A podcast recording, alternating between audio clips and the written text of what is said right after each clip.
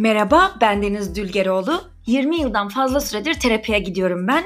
Bu 20 yılda sabahlara kadar uyumayıp hayat üzerine çok düşündüm. Siz benim gibi düşünmeyin, geceleri mışıl mışıl uyuyun diye yaşadığım aydınlanmaların hepsini bu podcast'te sizle paylaşıyorum. Varoluşsal sancılarınız ve siz hazırsanız merdiven altı terapi başlıyor. Ha bu arada yeni bölümlerimi kaçırmamak için beni takip etmeyi unutmayın.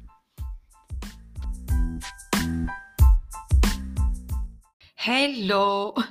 Merdiven altı terapinin 59. bölümüne hoş geldiniz. Böyle hoş geldiniz deyince bir şey gibi hissediyorum. Ben böyle bir orgun başında oturuyorum piyanist şantör olarak. Beni dinlemeye gelenler de yani siz oluyorsunuz bu.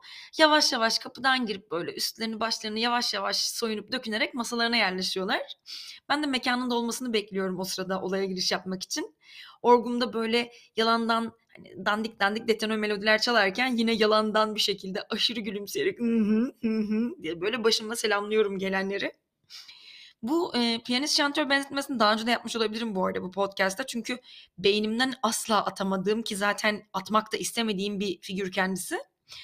E, ben çocukken yani biz Karabük'te yaşarken ve annemle babam hala boşanmamışken Teoman'ın çok sevdiğim deyimiyle henüz cennet plajı otopark olmamışken bu da sık sık tekrarladığım başka bir kalıp bu arada. E, biz akşamları bazen lokale giderdik. Mühendisler lokali diye bir yere ve ailede mühendis olan kimse yoktu aslında ama e, herhalde Karabük'te diğer meslek grupları için açılmış başka bir lokal yoktu ki ne zaman yemeğe dışarı çıksak hep oraya gidiyorduk biz. Ve lokalin kapısını aralayıp içeri adımımızı attığımız anda zaten kafası hep kapıya dönük olan piyanist şantörle direkt göz göze gelirdik. Burada şu an düşününce belki de adama mekana gelen insan sayısı üzerinden komisyon veriyorlardır. O yüzden o da gözlerini kapıdan ayıramıyordur. Hani mekanın sahibi buna kazık atmasına gelenleri falan sayıyordur belki. Neyse.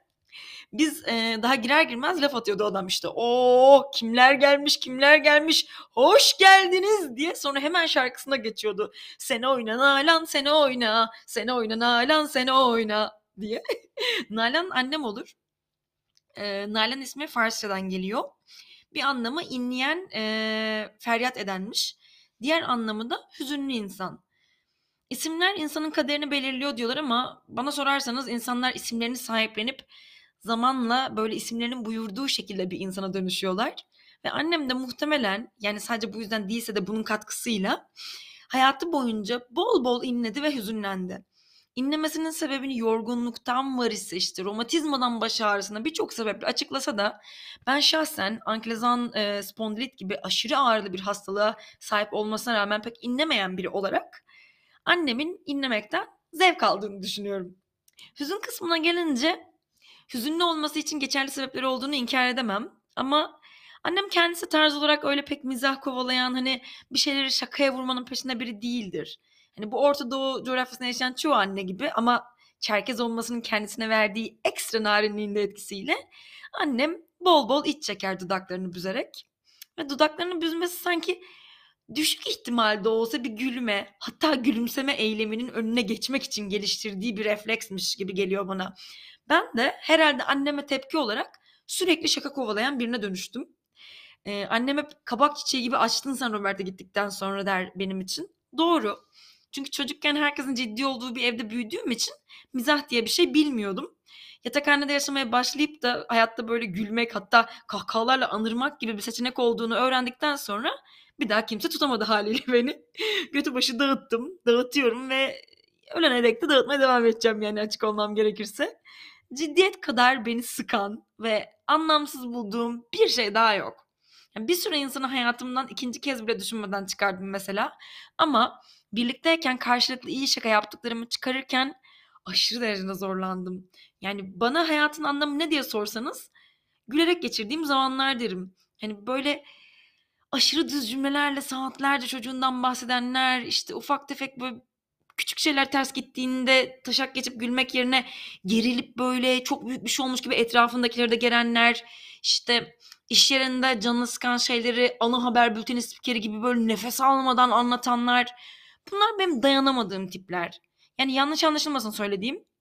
Hakikaten hani çözmemiz gereken dertler var tabii ki bu hayatta ve ne yazık ki varlar. Yani onları tabii ki uzun uzun konuşalım gerektiğinde elbette ama eğer konuştuğumuzda bir şey değişmeyecekse mesela atıyorum benzine zam gelmesini konuşmayalım saatlerce. Yani konuşarak benzinin fiyatını indiremediğimiz gibi bir de hayatımızdan birkaç saate de bok gibi geçirerek ziyan etmiş oluyoruz. Ama işte benim annem çok sever dert konuşmayı. Bu dediğimi duysa yine ağzını büzer ve önce uzun bir triple yatak odasına kapanıp kendine işkence eder. Saatlerce yatağında bacaklarını uzatarak oturup bu konuyu düşündükten sonra da aniden kapısını açarak böyle bir hışımla dışarı çıkar. Benim kafama dikilir ve sonra da bana içeride bileyip bileyip sivrilterek böyle arseniye batırdığı zehirli oklarını fırlatmaya başlar.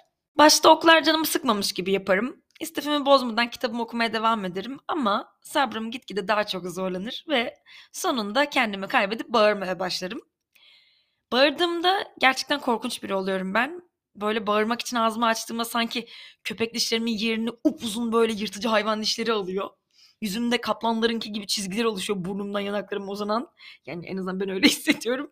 Ve kendimi kaybediyorum. Ya normalde değil söylemeye, aklımdan geçirmeye bile cesaret edemeyeceğim cümleler ağzımdan üst üste fırlıyor böyle arka arkaya sıkılan kurşunlar gibi. Ve sonunda öfkem geçip de halk gibi yeşil bir canavardan tekrar normal bir insana dönüştüğümde annemi delik deşik etmiş oluyorum. Ve zaten 40 dakika olan annesini acımadan daha da kıran, acımasız bir evlat olduğum için kendimi bok gibi hissediyorum. Annem de o sırada fırtınada kırılmış bir ayçiçeği gibi boynu bükük ve dudakları da elbette ki büzük şekilde oturuyor oluyor köşesinde. Ve artık uzun bir süre mutsuz olmak için sağlam bir sebebi de oluyor kendisinin. İşte sanırım bu yüzden o lokale gitmeyi çok seviyordum ben. Çünkü normalde hiç makyaj yapmayan annem sadece gece dışarı çıkıldığında sürdüğü rujunu sürmüş olurdu. Gün boyu çalışma yorgunluğunun üstüne bir de yemek yapması gerekmezdi. Ve piyanist şantör de o yavşak altın dişli sırıtışıyla işte sene oyna Nalan sene oyna deyince dayanamayıp gülerdi. Annem gülünce onun için ve genel olarak hayatımız için endişelenmeyi bırakır çocuk olurdum ben de. Çocuk olmak yani acaba her şey yolunda mı? Annem niye üzgün? Ne yapsam neşelenir acaba diye düşünmeden, birilerinin sorumluluğunu taşımadan yaşamak bir akşam için de olsa çok güzel geliyordu bana. Düşünüyorum da bu arada şu an belki de çocuk istemiyor olmamın sebebi budur. Çünkü ben çocukken hep annem için endişelendim iyi mi diye. Sonra babamı Karabük'te bırakıp gidince ve babam sürekli ağlayarak evi arayıp işte hiç iyi olmadığını söylemek, sonra da işte ilerleyen yıllarda bana acılarını anlatan uzun uzun mektuplar yazmak gibi son derece gereksiz huylar edinince bir de babam eklenmiş oldu bunun üstüne. Yani hiç götü başı dağıtamadım ben çocukken. Hani şu deterjan reklamlarında gösterdikleri veletler gibi öyle yarınlar yokmuşçasına çamurda falan yuvarlanamadım. Annemin Karabük'te arkadaşı olmadığı için onunla muhabbet ettim genelde evdeyken. Babam da çocuğu dahi seviyesinde zeki olmazsa hayal kırıklığı yaşayacağı için çok affedersiniz derdini sikeyim. Sürekli matematik soruları çözüp birinci oldum girdiğim her sınavda. Ve böyle mütemadiyen aman tadımız kaçmasın Ali Rıza Bey diye diye K9 köpeği gibi her komuta uydum kendim ne istediğimi düşünmeden. Annemle babam e, ilk kez ben ilkokul birdeyken boşanmaya kalkmışlardı. Babam beni sürekli bir yatak odasında kenara çekip işte bir yürüyüşte yanında götürüp böyle annenle konuş işte bak ayrılırsak çok üzücü olur. Sen çok akıllı bir kızsın bunu yapabilirsin falan deyip duruyordu. Ben de işte annemin yanına gidince işte yürüyüşteysek mesela eve dönünce babamın tembihlediğinden şüphe etmesine sebep olmadan tabii ki e, sanki durduk yere böyle kendi içimden gelmiş gibi anneme babamın güzel yanlarını överek işte böyle mutlu anılarımızı hatırlatarak e, annemi böyle babama karşı sevgiyle doldurmaya çabalıyordum. Yani manipülasyon sanatını da böylece erken yaşta öğrendim annem babam sayesinde.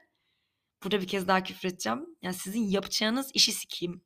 Ya 5 yaşında çocuk annemle babam boşanmaya karar verir de işte bize gelip bunu söylerlerse kız kardeşim çok üzülür ağlar diye bunu önden hesaplayıp işte ağladığında veririm de biraz geçir üzüntüsü diye cips almaya bakkala uğrar mı ya okul dönüşünde? Şimdi duysa ikisi de itiraz eder hemen öyle bir şey olmadı diye. He olmadı he he olmadı. Ben paramı harcayacak yer bulamıyorum. O yüzden gidiyorum haftada iki terapiye. Neyse işte o mühendisler lokaline gelince çocuk olduğumu hatırlıyordum ben. Babam diğer babalar gibi rakı içerken ve annem diğer anneler gibi endamlı bir şekilde sandalyesinden süzülürken normalde yemek yemekten nefret eden ben de diğer çocuklar gibi fix tabağımın tadını çıkarıyordum. Tabakta hep aynı şey oluyordu. İşte 5-6 tane ızgara köfte böyle kaseye doldurulup ters çevrilerek şekillendirilmiş bir ucuz yağlı pilav tepeciği ve şu an düşününce seksten sonra sönen penislere e, bayağı bir benzeyen kızarmamış patates e, kızartmaları. Şef her kimse patateslerin aşırı yağ emip yumuşamaması için, eee, kızartmadan önce tuzlu suda bekletmek gerektiğini bilmiyordu herhâlde ya da belki vakti yoktu bunun için. Gerçi neden adamı savunuyorum ki? Bir gece önce de, eee, çıkmadan hazırlayıp, yani, patatesleri tuzlu suya bırakabilirdi. Neyse bana ne? Zaten o zaman da hiç umurumda değildi patateslerin yumuşak olması. Her türlü güzel geliyordu bana. Çünkü bizim evde patates kızartması yasaktı. Babam yasaklamıştı zararlı diye. Evimizde bir çocuğun sağlıklı büyümesine engel olabilecek tek şey patates kızartması olduğu için LOL. Patateslerin tamamını, pilavla köftenin de bir kısmını bitirdikten sonra sandalyemden inip etrafta koşmaya başlıyordum ben. Sırf diğer çocuklar da koştuğu için ve ben de onlar gibi hissetmeye özendiğim için. Ama koşarken hep bir gözümün ucuyla anneme bakıyordum elimde olmadan, işte, her şey yolunda mı diye kontrol ediyordum ve çocuk gibi davranmaya çalışıyordum ama şimdi o hisleri şu an tekrar hatırlayınca fark ediyorum ki aslında kendimi çocuğunu top havuzuna bıraktığı için, böyle, yarım saatlik de olsa, hani, rahatça cep telefonuna bakmakla kazanmış bir ebeveyn gibi hissediyordum daha ziyade. Yani, bir yandan içim rahattı çocuğum güvenli bir yerde diye ama bir yandan da onu kontrol edemeden duramıyordum. Ve babamla yan yana oturduğunu görmek bile çünkü evde böyle bir şeye hiç şahit olmamıştım. Mutlu ediyordu beni. Hele böyle 40 yılın başı olur da, işte, yan masadan biri keyiflenip de bizim masaya dönerek böyle bir şaka falan yaparsa ve annemle babamla birlikte aynı anda o şakaya gülerlerse dünya benim oluyordu. Ya, dünya benim oluyordu diyorum ama dünya benim olmaktan çıkıyordu desem daha doğru olacak gibi. Çünkü normalde sanki dünya benim sorumluluğumdaydı. Böyle dönmesi için 1 metre boyumla benim ittirmem lazımdı kenarından hep. Hani, benzini bitince yolda kalan arabasını bagajından ittiren biri gibi. Ama annemle babam birlikte gülünce dünya sıkıştığı yerden, böyle, o engelden kurtuluveriyor ve kendi kendine yağ gibi akarak dönüyordu ekseninde. Ben de dünyayı döndürme görevimden kurtulmanın verdiği o özgürlük hissiyle diğer çocuklarla oyuna kaptırıyordum kendimi. Biz kocaman beyaz örtülü masaların altında saklambaç oynarken büyükler bizim gibi cam şişede tam meyve suyu değil rakı içtikleri için yavaş yavaş daha yüksek sesle konuşmaya ve gülüşmeye başlıyorlar ve promil promil ne diye söyleniyordu bu arttıkça neşeleri de ısınan bir termometre cıvası gibi hızla yükseliyordu ve geceye "Sen oyna." diye yardırarak giren piyanist şantör de muhtemelen artık kendisi de tükendiğinden slow şarkılara geçiyordu. Ya, slow şarkı dediğimde de böyle George Michael'ın "Careless Whisper'ını" falan düşünmeyin tabii ki. Karayip'te geçiyor yani hikâye. Ümit Besen'in nikâh masası şarkısı falan işte. Yani piyanist şantör ya en çok o şarkıyı seviyordu da ondan çalıyordu ya da Karabük'ün mutsuz evliliklere hapsolmuş insanları beyaz peçetelerde en çok o şarkıyı yazıp veriyordu kendisine bilmiyorum ama lokalde gerçekten sürekli nikâh masası çalıyordu. Beyaz peçeteler, beyaz masa örtüleri ve Ümit Besen'in albüm kapağındaki beyaz kanatlarıyla beyaz takım elbisesi. Beyazın tuhaf bir şekilde trend olduğu yıllarmış.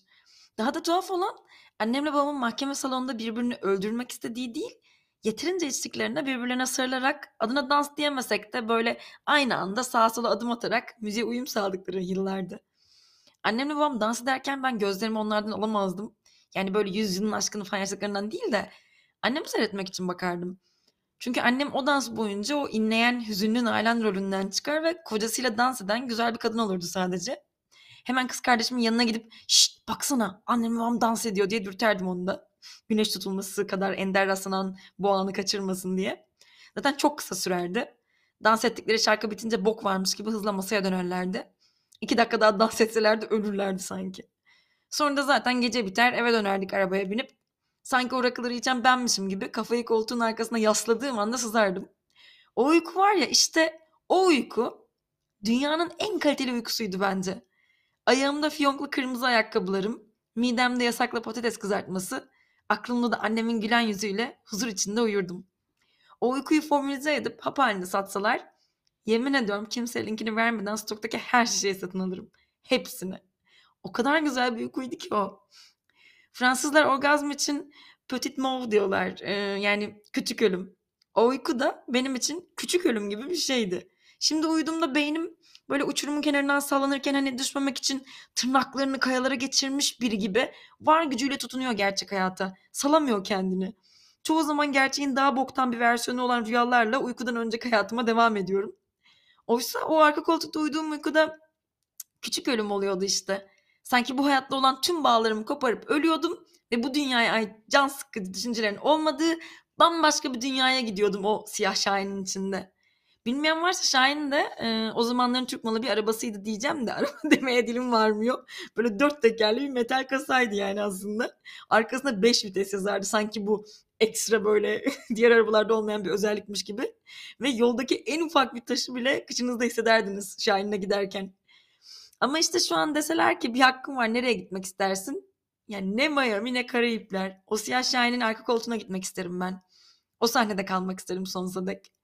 Ama ne yazık ki güzel anları öyle tutup da oldukları yerde muhlamak mümkün değil. Kenan Doğulu'nun da dediği gibi tutamıyoruz zamanı. Akıyor, ilerliyor ve bizi de her şeyi kendiyle birlikte sürükleyen bir ırmağın akıntısı gibi gittiği yere taşıyor. Annem ve babam ayrıldı ve biz İstanbul'a geldik. Paralel bir evrende belki de her şey daha iyi olabilirdi aslında. Çünkü anneme mutsuzluk veren şeyin babam olduğu ve ondan kurtulduğu düşünüldüğünde boşanmak çok iyi bir hikayenin başlangıcı olabilirdi. Ama olmadı. Annemin ablası olan teyzeme yürüyerek 10 dakika uzaklıktaki e, evimize yerleştik ve oyunun ikinci perdesine geçtik. Hani Kızılderili kabilelerinde çocuklar isimsiz doğuyor da sonradan başardıkları bir şey sayesinde bir isim ediniyorlar ya. Annem o zamana dek isimsiz gezen bir Kızılderili çocuk olsaydı eğer İstanbul'a taşınmamızın birinci ayında falan başlarında böyle rengarenk kocaman tüylü kafa bantlarıyla Kızılderili aile büyüklerimiz apartman dairemizin kapısını çalar ve bir aydır arada nefes bile almadan mızıldanarak inledin sen artık Nalan'sın diyerek anneme ismini verirlerdi. Yani ağlamak inlemek için sebebi yok muydu? Tabii ki vardı. Ama gülmek için sebebi yok muydu? Bence o da vardı. Yanında birbirinden eğlenceli üç çocuğu vardı bir kere. Ama annem acılarına sarılmayı seçti.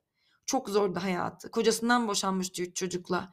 Karabük'ten kalkıp İstanbul'a gelmiş muayenehanesini taşımıştı. Burada kimse tanımazdı onu. Nereden hasta bulacaktı? Nasıl geçinecekti? Salam ne kadar pahalıydı. Ya Rabbiydi kolları kopuyordu market poşetlerini taşırken. Yani elbette haklıydı annem. Salamın fiyatının yüksek olduğuna ve toplu taşımada market poşeti taşımanın çok zor olduğuna, çocuklarını tek başına büyüten bir annenin kaygı duyduğuna hiç şüphem yok. Benim anlamadığım şey şu oldu. En büyüğü 11 yaşında olan, ben oluyorum bu. 3 çocuğa sürekli hayatın ne kadar zor, acılı ve korkunç olduğunu anlatmak acaba hayatı kolaylaştırıyor muydu? Evet yani bir kadın için hayatta tek başına mücadele etmek zordur tabii ki. Ama tek başına değildi aslında annem. Sahneye Asuman'ı çağırıyorum. Şak şak şak şak şak.